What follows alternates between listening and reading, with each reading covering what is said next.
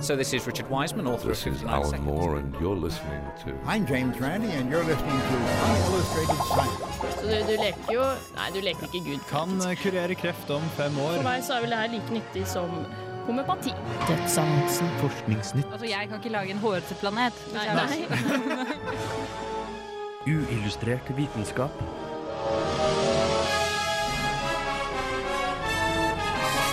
Science, it works, bitches. Vi skulle så gjerne spist sunnere. Men i en travel hverdag strekker ikke alltid tiden til. Heldigvis finnes det en enkel løsning supermat. Du synes kanskje at supermat er supert eller tull. Men dagens sending av Uillustrert vitenskap vil uansett ta for seg det vitenskapelige synspunktet på disse produktene.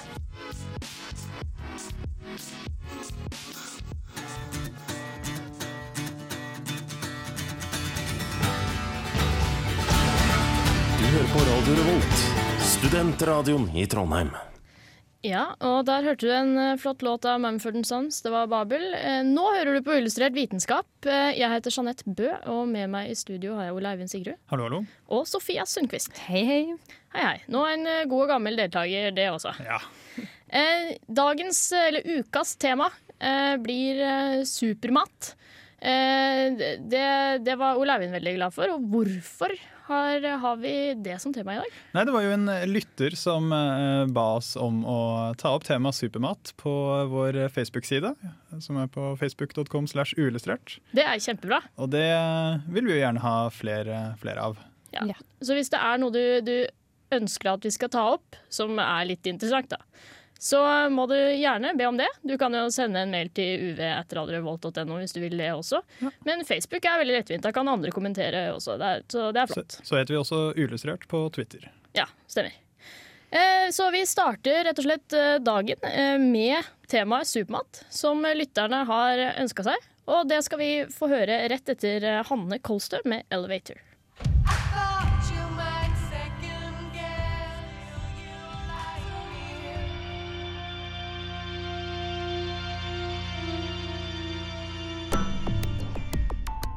Man leser om det i avisene og på blogger. Ser det i butikkene og ikke minst i helsekostforretningene. Supermat er i vinden. Og for å få svar på hva dette går ut på, ringte jeg Erik Arnesen. Jeg er næringsfysiolog av utdanning, eh, og er snart ferdig med master i eh, noe som heter samfunnsernæring nå. Så hva er egentlig supermat? Ja, altså Det er jo et eh, begrep, det er ikke noe sånn eh, juridisk bestemmelse på eh, hva supermat er. Så det som ofte sies, er at det er et matvarer som er eh, eksepsjonelt næringsrikt. Er det, er det noen som har kalt det, i hvert fall en bok som heter for supermat, da, som, som bruker den beskrivelsen. Og dette begrepet rommer svært mange forskjellige matvarer. Ulike typer kål f.eks.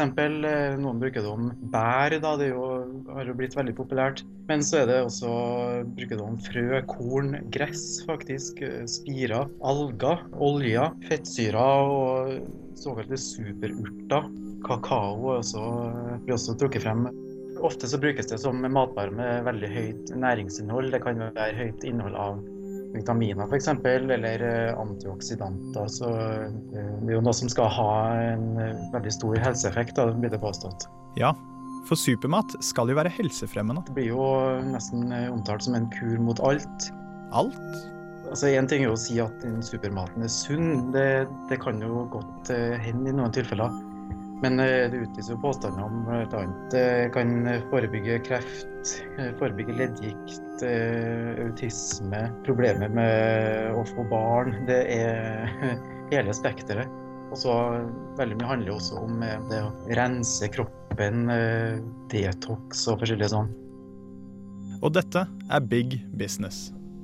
I 2010 ble det brukt 339 millioner kroner på reklame for helsekost og kosttilskudd. Det er blitt beregna at det brukes eh, to til tre milliarder kroner i året på helsekost eh, i Norge. da. Så har det noen dokumentert effekt. De påstandene eh, de kommer med om supermat, det bygges som oftest på studier fra, fra laboratorier med, med cellekulturer eller eh, dyrestudier. Men det er veldig svake typer studier da, som ikke går an å overføre til mennesker. En eh, interessant studie som jeg oppdaga nå, nylig, den ble utført i 2010. Der ble det faktisk sammenligna ulike typer bær. Det ble sammenligna sånn helt tradisjonelle bær, sånn som eh, jordbær og, og bringebær. Det ble sammenligna med eksotiske såkalte superbær. Og Hvor man så da på rotta om eh, i hvilken grad de type bærene kunne hindre utviklinga utviklinga av kreftsvulst i spiserøret. Det tror jeg er kanskje den eneste studien som har direkte sammenligna superbær mot eh, andre typer bær. Og den, I den studien ble, fant de i hvert fall ingen forskjell på effektiviteten. Om det samme gjelder hos mennesker, det vet man jo ikke. Og man vet jo heller ikke om bær i det hele tatt har noen effekt på kreft hos mennesker. Men det var i hvert fall litt, eh, jeg syns det var interessant da, at eh, vanlige jordbær eh, kan være like sunt som goji-bær, selv om de eksotiske bærene kanskje har mer antioksidanter. Så kanskje ikke helt den store helseeffekten som blir påstått. Men supermat inneholder jo i hvert fall svært mange næringsstoffer, og det må jo være bra. De som selger supermat, de, de mener jo at siden supermaten er veldig rik på næringsstoffer, så er det nødvendigvis eh, sunnere. Men det at noe veldig høy, har veldig høyt innhold av næringsstoffer, det betyr ikke nødvendigvis at, at vi blir noe sunnere av det. Jeg syns det er veldig viktig å påpeke at sunnhet handler om balanse. Vi, vi trenger en viss mengde næringsstoffer, men eh, når vi får i oss for mye, så kan det fort bli usunt. Og Det er jo selvsagt god grunn til å bry seg om eh, næringsinnholdet i maten, men det er jo et spørsmål om hvilken grad man kan bry seg om det. da. Så supermat. Hva skal man si? Jeg, pleier jo å si at det finnes ikke supermat, men det finnes gode og dårlige kosthold. Det er jo viktigst å spise variert, og, og ikke spise for mye. Men det er jo et råd som kanskje blir for kjedelig i dag. Radio Revolt.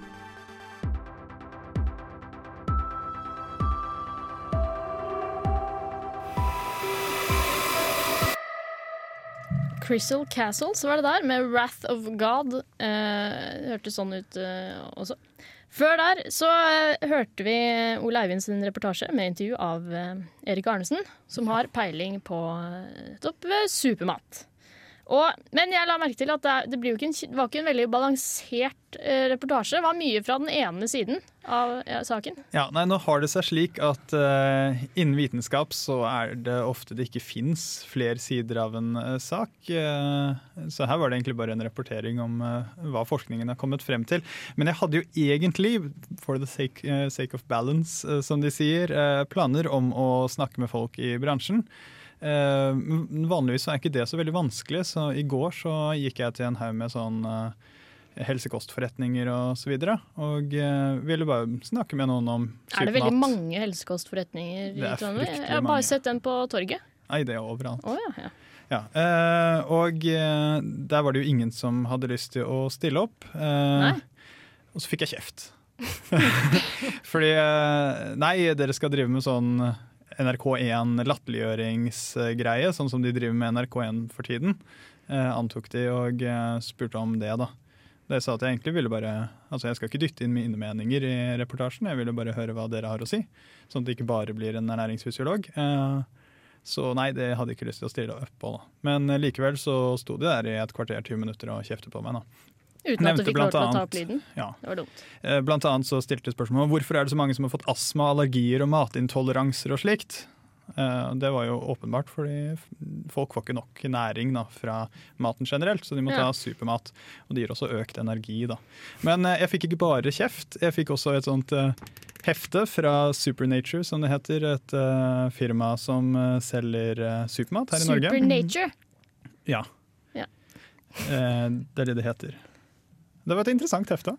Ja, hva, hva står det i, heftet? Nei, eh, det står jo en haug med ting i det heftet. Blant annet så står det en del om klorofyll, for det er de glad i.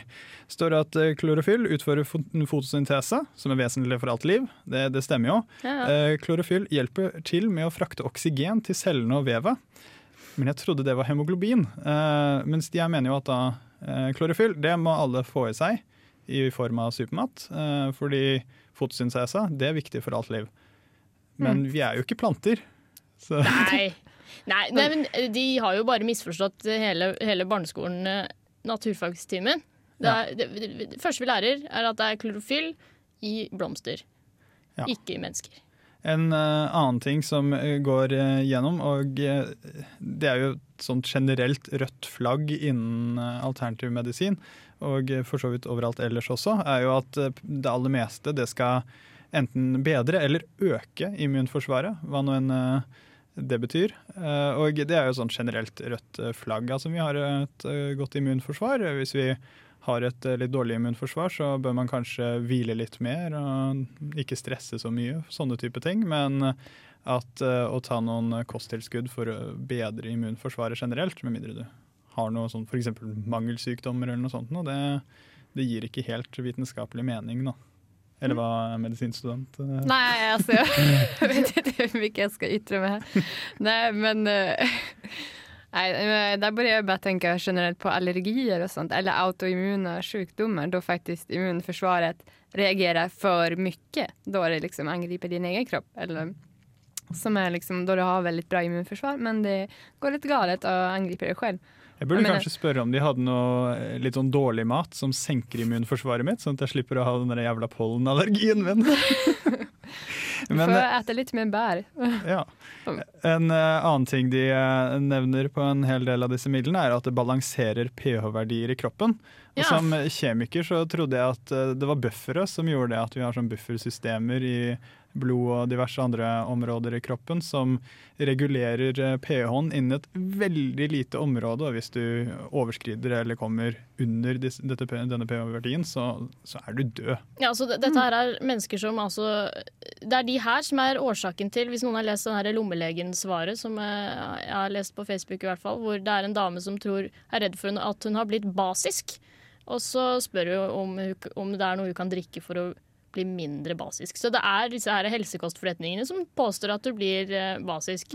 Og eh, folk eh, driver også med sånn eh, blodanalyse. Da er det ingen som faktisk vet noe om blod som driver den analysen, men da eh, sier de jo at de måler pH i blodet, og så sier de oi, det var for surt, dette må være mer basisk. Og så oppgir de en sånn pH-verdi som er dødelig.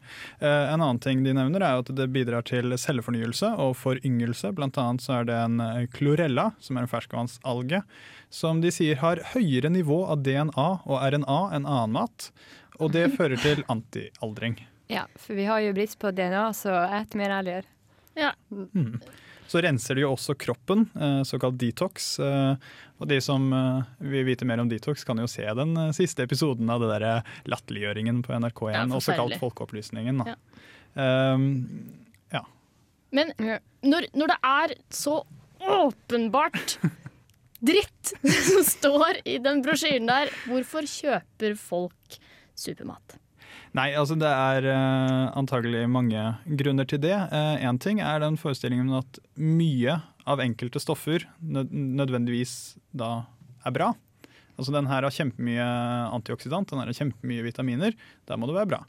Mens eh, egentlig så er det jo sånn du har en mengde med vitaminer eh, du, må, altså du må ha så mye av eh, visse vitaminer og næringsstoffer. Hvis du overskrider det, så er det ikke nødvendigvis så sunt. En annen ting er jo det vi ofte kommer tilbake til her i Illustrert vitenskap, med den naturalistiske feilslutningen. Med at siden ting er naturlig, all den supermaten her er jo helt naturlig, da må det jo være bra. Ja. Og mens sånne syntetiske eh, kosttilskudd, som de nevner i denne brosjyren, det har ikke samme nytten, fordi det er ikke naturlig. Eh, og som de også skriver i heftet, naturen har i seg selv en enorm helbredende kraft. Vi trenger verken å legge noe til eller trekke noe fra. Eh, ja, si, ja, si det til alle de som er syke når de lever i pakt med naturen. Eh, og det tredje er jo det er veldig overbevisende, uh, fordi det er, pseudoviten, det er pseudovitenskap. De slenger rundt seg med vitenskapelig sjargong og eh, fremmedord og tall, og så skriver de hele tiden at dette her har god dokumentert effekt, uten at de henviser til den dokumentasjonen. Og det virker for mange veldig overbevisende, for da virker det vitenskapelig, og vitenskap det stoler man jo på. Jag tror folk tänker bättre för mycket än för lite och så tänker de men det kan inte skada så jag kan lika gärna jag kan lägga ut lite pengar och köpa det här. Kanske det funkar, kanske inte men jeg liksom Ja, garderer meg ifall. Ja. Ja, eh, kosttilskudd eh, er jo noe de fleste av oss eh, har vært borti. Jeg har vært borti det selv. Jeg tror jeg spiste noe kosttilskudd en gang da jeg skulle få sterkere negler, husker jeg. Det er lenge siden, da. Eh, men vi skal over på kosttilskudd etterpå. Eh, f- etter at vi har hørt Kendrick Lamar med 'The Art of Peer Pressure'. Me and my niggas four deep in a white Toyota. A quarter tank of gas, one pistol. Peer pressure. This is the art of peer pressure. Nuclear reactors could provide power almost indefinitely. Greenhouses could maintain plant life. Animals could be bred and slaughtered. Uillustrert vitenskap. Yes, eh, jeg lovte bort litt eh, prat om eh, kosttilskudd. Og godeste Erik Arnesen, som dere hørte intervjua tidligere, han skrev i Morgenbladet her om dagen et essay som han kalte 'Ikke tråkk i salaten', der han tar for seg kosttilskudd.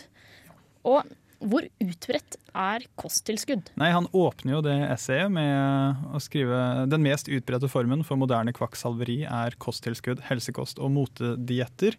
Noen tall uh, hentet fra den artikkelen, som er en god og fyldig essay, er at, uh, ja, som ble nevnt i intervjureportasjen, i 2010 ble det brukt 339 millioner kroner på reklame for helsekost og kosttilskudd i Norge. I Norge? I Norge. Ja. Eh, To til tre milliarder kroner i året blir brukt på helsekost i Norge. Eh, og eh, globalt så er kosttilskuddsmarkedet verdt 68 milliarder dollar. Og over halvparten av alle nordmenn tar kosttilskudd daglig. Jeg skal inn i kosttilskuddbransjen, eh, Ja. hører jeg. Eh, men er, er kosttilskudd bare, bare tull? Er, trenger vi det? Nei, det, altså det er jo noen som trenger det. Uh, hvis man eh, får påvist uh, mangel på vitaminer, næringsstoffer osv. Uh, av en lege, så må man jo ta tilskudd. Ja. Men for folk flest, uh, helt unødvendig. Men det man hører, da, og som jeg også ble fortalt i helsekostforretningene her i Trondheim, da jeg prøvde å få intervju, men ble kjeftet på isteden, var at moderne kosthold er tomt for næringsstoffer. Og eh, at næringsverdien i frukt og grønt, og for så vidt eh, kjøtt og fisk og alt det der, har gått ned. Har det det? Eh, det sier de. Ja. Men De- eh, så henviser jo Erik Arnesen i den essayen til Nordkost 3, som er en landsomfattende kostholdsundersøkelse, som viste da at nesten ingen nordmenn har lavere inntak av næringsstoffer fra maten enn nedre anbefalt grense. Den viste at inntak av vitamin D og folat er lavere enn anbefalt hos mange, men da kan man bare spise litt mer fisk. Ja. Eh, og betydelig andel får i seg mer enn dobbelt så mye av det anbefalte av bl.a. jern, vitamin A, D og C, bare fra maten. Så de trenger i hvert fall ikke mer eh, multivitamin. Nei. Men er det ikke sånn at kroppen slutter å ta opp Eller altså den tar ikke opp alle vitaminene man, man, eh, man putter i seg hver dag? Vet du det, Sofia? Alltså, uh, men det vi har lärt oss i alla fall att du ska inte ta uh, tillskudd om det inte är så att du har en brist för du kan få i dig för mycket och det är absolut inte bra det heller. Så man kan få att- overdose? Ja, ja, helt klart. Du kan ju få överdos av allting som är nyttigt i princip. Det är, det är liksom dosen som är det avgörande. Så att bara gå och proppa i sig massa utan att man ens har en brist, det är ju, ja, gör ju varken till eller från. Snarare kanske sämre än bättre. Det blir jo nesten litt sånn det omvendte av eh, det mange eh, skriker høyt om i f.eks. vaksiner og andre situasjoner, der de peker til eh, visse stoffer som dette her er farlig, og dette fins i f.eks. vaksiner. Så er det jo akkurat det motsatte. er jo at Når det er en så liten mengde, så er det jo helt fullstendig ufarlig, og du får mer i deg ved å spise en boks med tunfisk. Mens her er det jo omvendt, at her hevder jo at man skal spise mer enn anbefalt mengde vitamin. Og eh, mange er jo vannløselige, så de skilles jo ganske lett ut. Andre er jo fettløselige, og de lagres jo. Det er litt dumt. Ja. jeg forstår jo om de tjener så mye penger på det her, at de virkelig maner folk til att gå og köp, gå og köp, gå og köp. Men når man hører hvor ekstremt mye penger det drar inn, alle kosttilskudd og for alle som, ja. Og det er morsomt at eh, de jeg snakket med i eh, disse helsekostforretningene, de var jo kjempenegative til legemiddelindustrien. Og eh, det er veldig mye negativt som kan sies om legemiddelindustrien, men kosttilskuddsindustrien er også en fryktelig stor og ikke så veldig etisk industri, det heller. Um, jeg vil også avslutte med et sitat som Erik Arnesen nevnte i det essayet, um, fra Dan Hurley, forfatter av boken 'Natural Causes'. og det er at helsekostindustrien er en myr hvor fakta går for å dø. Bra. Eh, vi skal eh, bort fra myr og kosttilskudd over til eh, tidskrystaller og kattebilder i, i Forskningsnytt. Og det skal vi få høre etter Teitur med 'She Lives in the North'. She lives in the north, at the tip of the earth.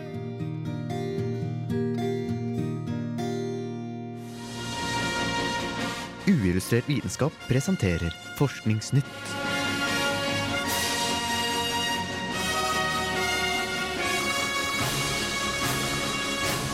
Forskningsnytt.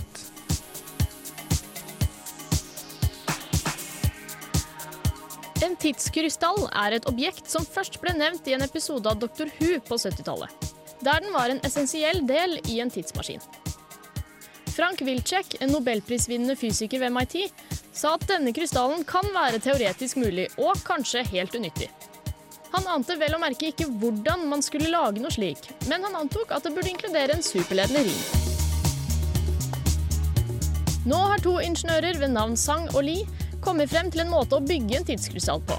Men i stedet for en superledende ring bruker de heller en ionefelle for å holde de ladde partiklene på plass. Så skal man kunne dytte ionene i gang med et svakt magnetfelt, og de vil bevege seg i et fast roterende mønster. Og de vil rotere veldig, veldig lenge. Teoretisk sett også etter universets død.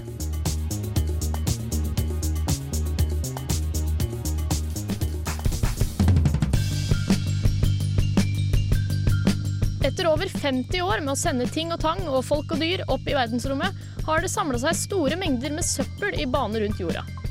Dette betyr at det snart kan bli svært store navigasjonsproblemer om vi ikke begynner å rydde snart. En rekke ryddekonsepter har blitt foreslått, og nå nylig har det kommet to spennende forslag fra amerikanske Boeing og britiske forskere.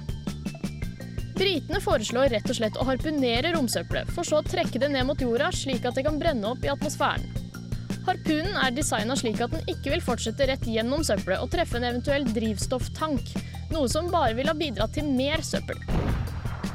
Boeing derimot ser for seg en løsning der man sender opp en tank med enten xenon eller krypton, skyter ut gassen før fartøyet havner i bane, og sender gassen på romsøppelet.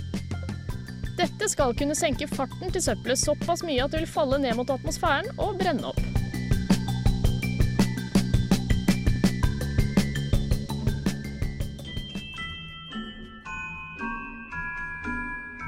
Er kanskje en av de som bruker litt for mye tid på skolen eller jobb på å se på bilder av søte kattunger eller andre dyrebarn.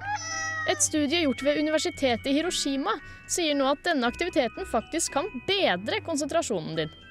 Studiet sier at den bedra konsentrasjonen kommer av den økte empatien man får etter å ha sett på søte dyrebarnbilder. Etter to eksperimenter kom forfatterne av studien frem til overraskende sterke resultater. Etter å ha sett på søte bilder økte nemlig konsentrasjonsytelsen til deltakerne med 44% Dog oppgaven de hadde fremfor seg, tok 12% lengre tid.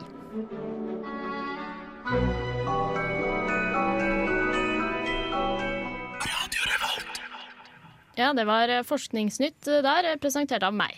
Eh, starta med noe jeg ikke hadde hørt om før, må jeg være helt ærlig. Men det var tidskrystaller kan finnes eh, i virkeligheten. Ja. Hva er en tidskrystall? Ja, ja det var det, da.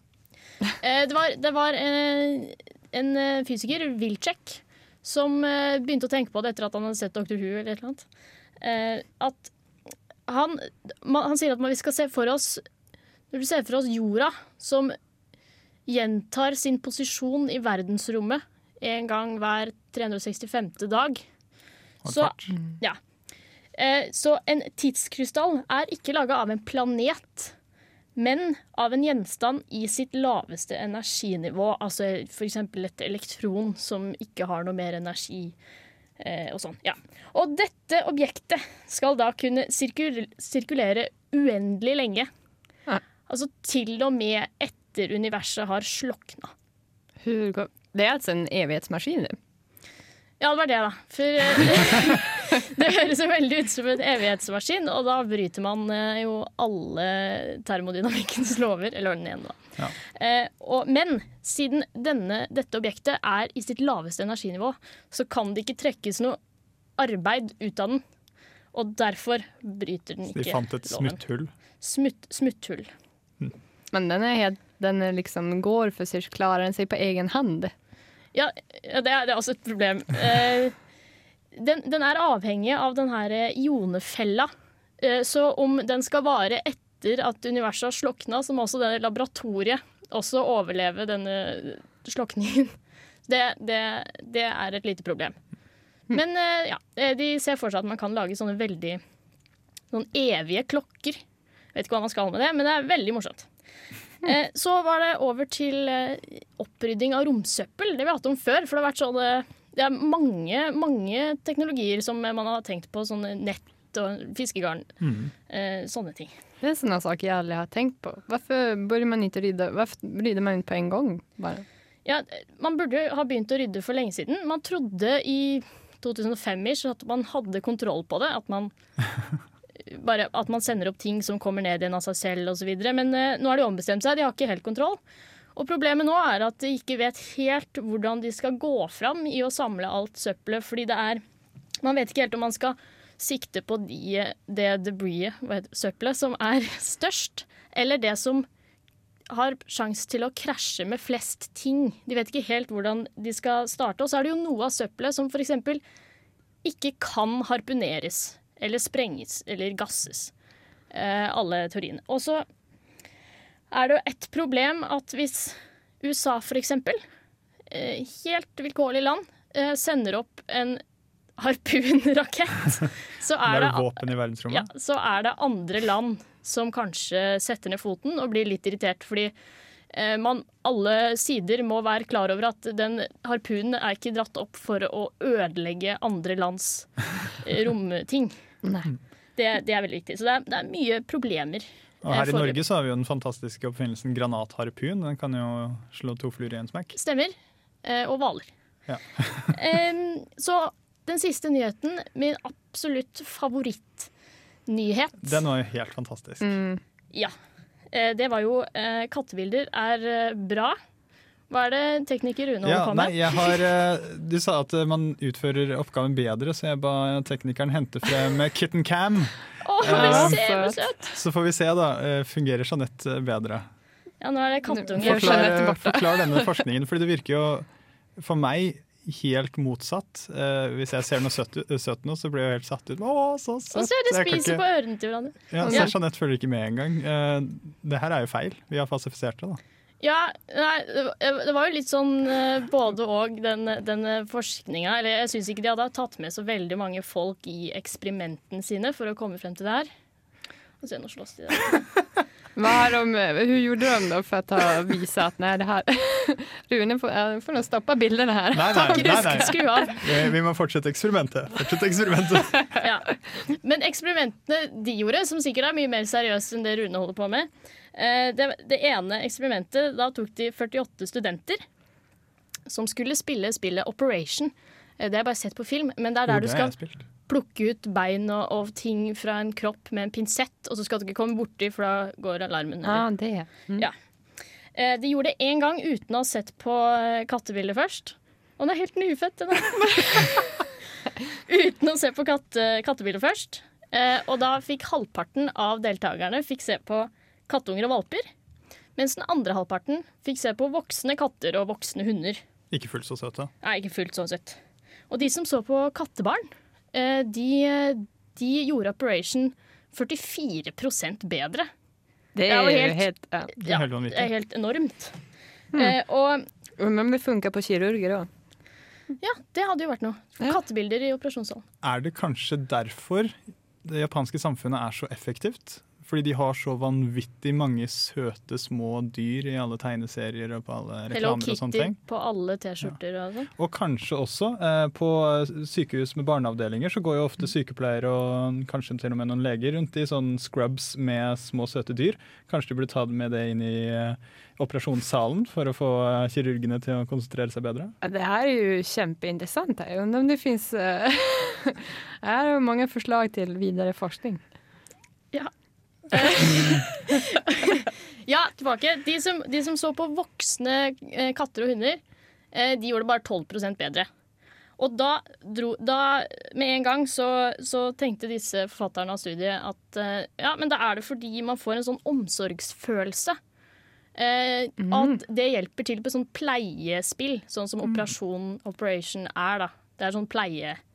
Det er, har med omsorg å gjøre på et vis, hvis man er veldig kynisk på omsorg. Det låter jo litt logisk, da. Ja.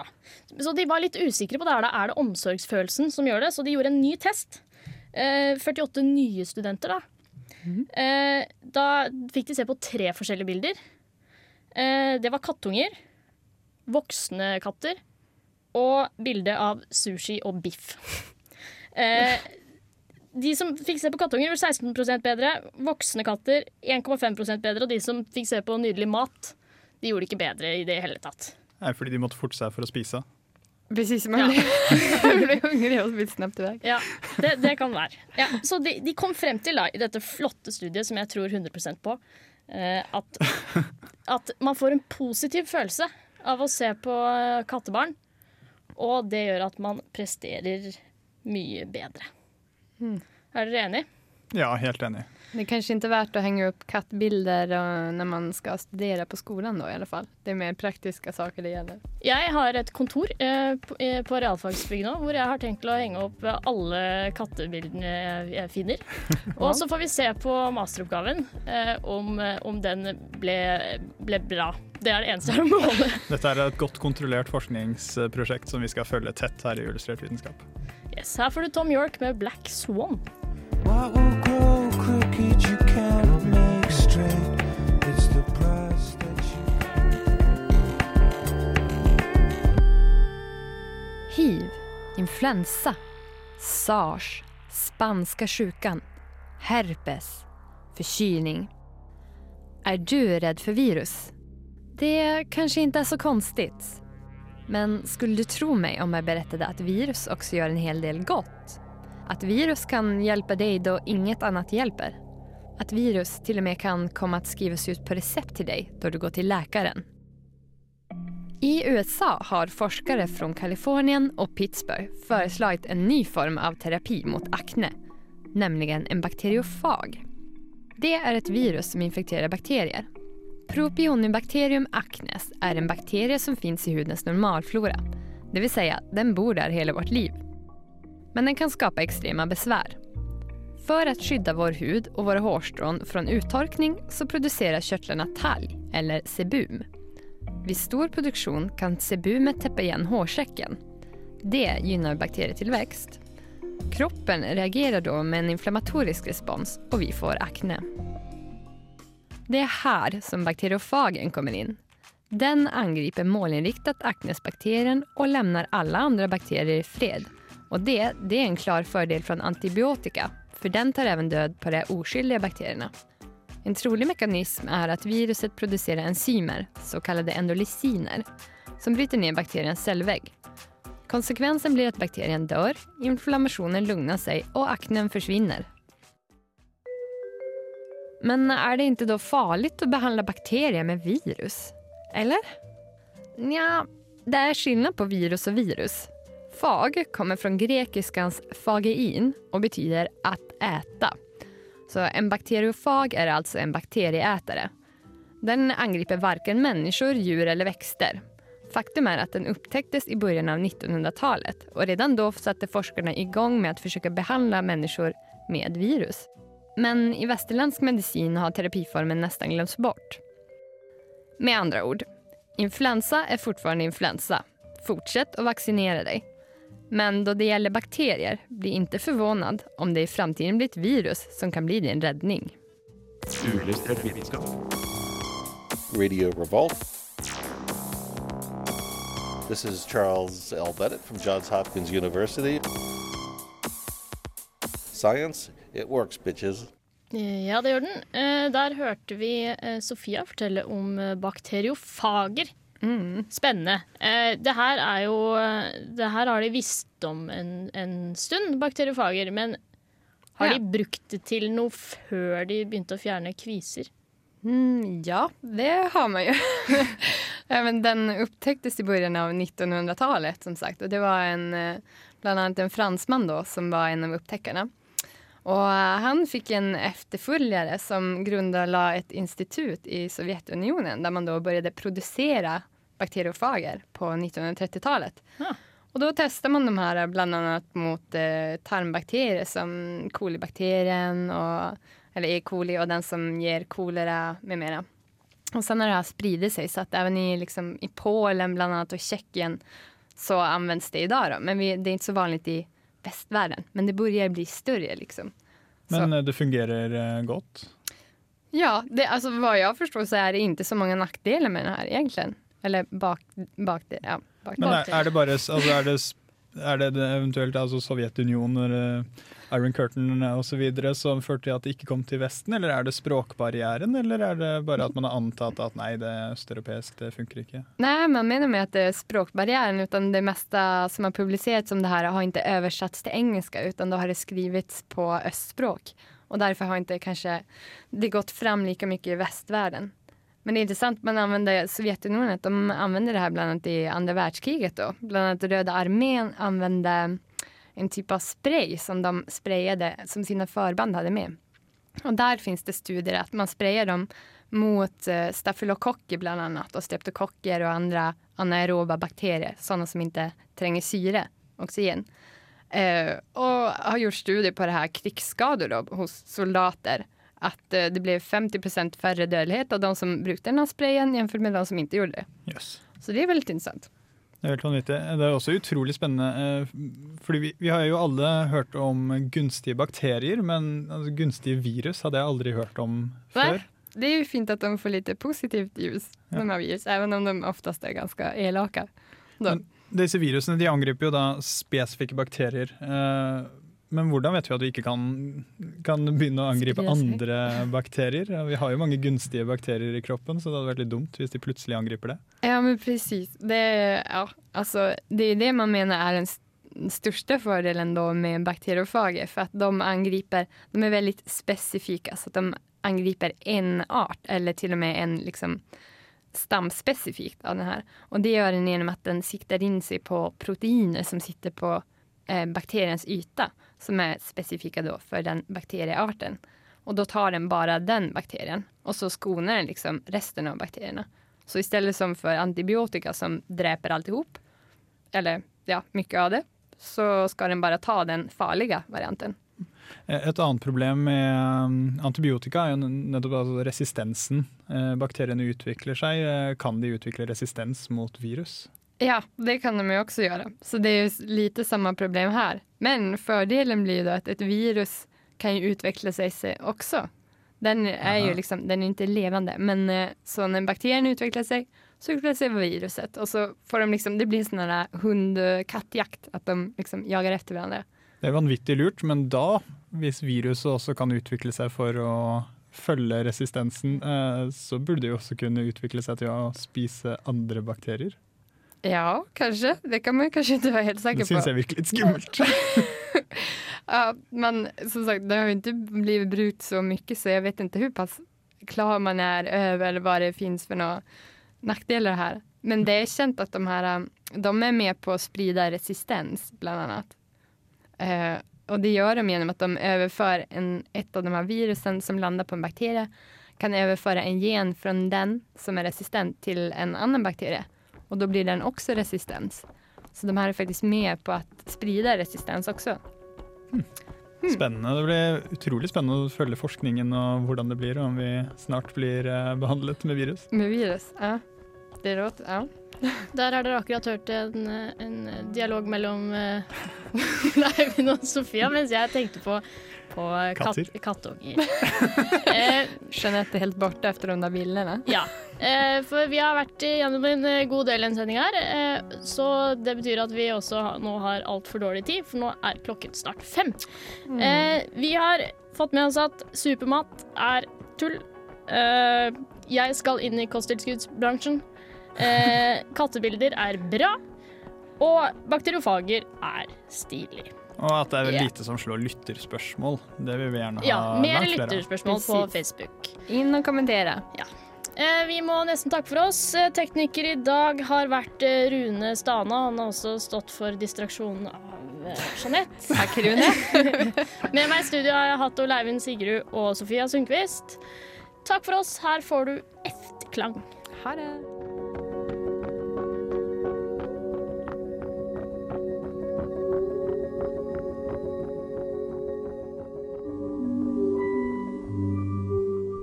Uillustrert vitenskap er Midt-Norges eneste teknologimagasin på lokalradio. Og vi snakker om alt fra populærvitenskap til sære forskningsprosjekt ved NTNU. Radio Revolt, studentradioen i Trondheim, er stolt av å kunne presentere podkaster fra de aller mest populære programmene våre. Hvis du har lyst til å høre mer fra Radio Revolt, hvem vi er og hva slags musikk vi spiller, så kan du høre oss på FM-båndet i Trondheimsregionen, eller streame sendingene våre live på radiorevolt.no.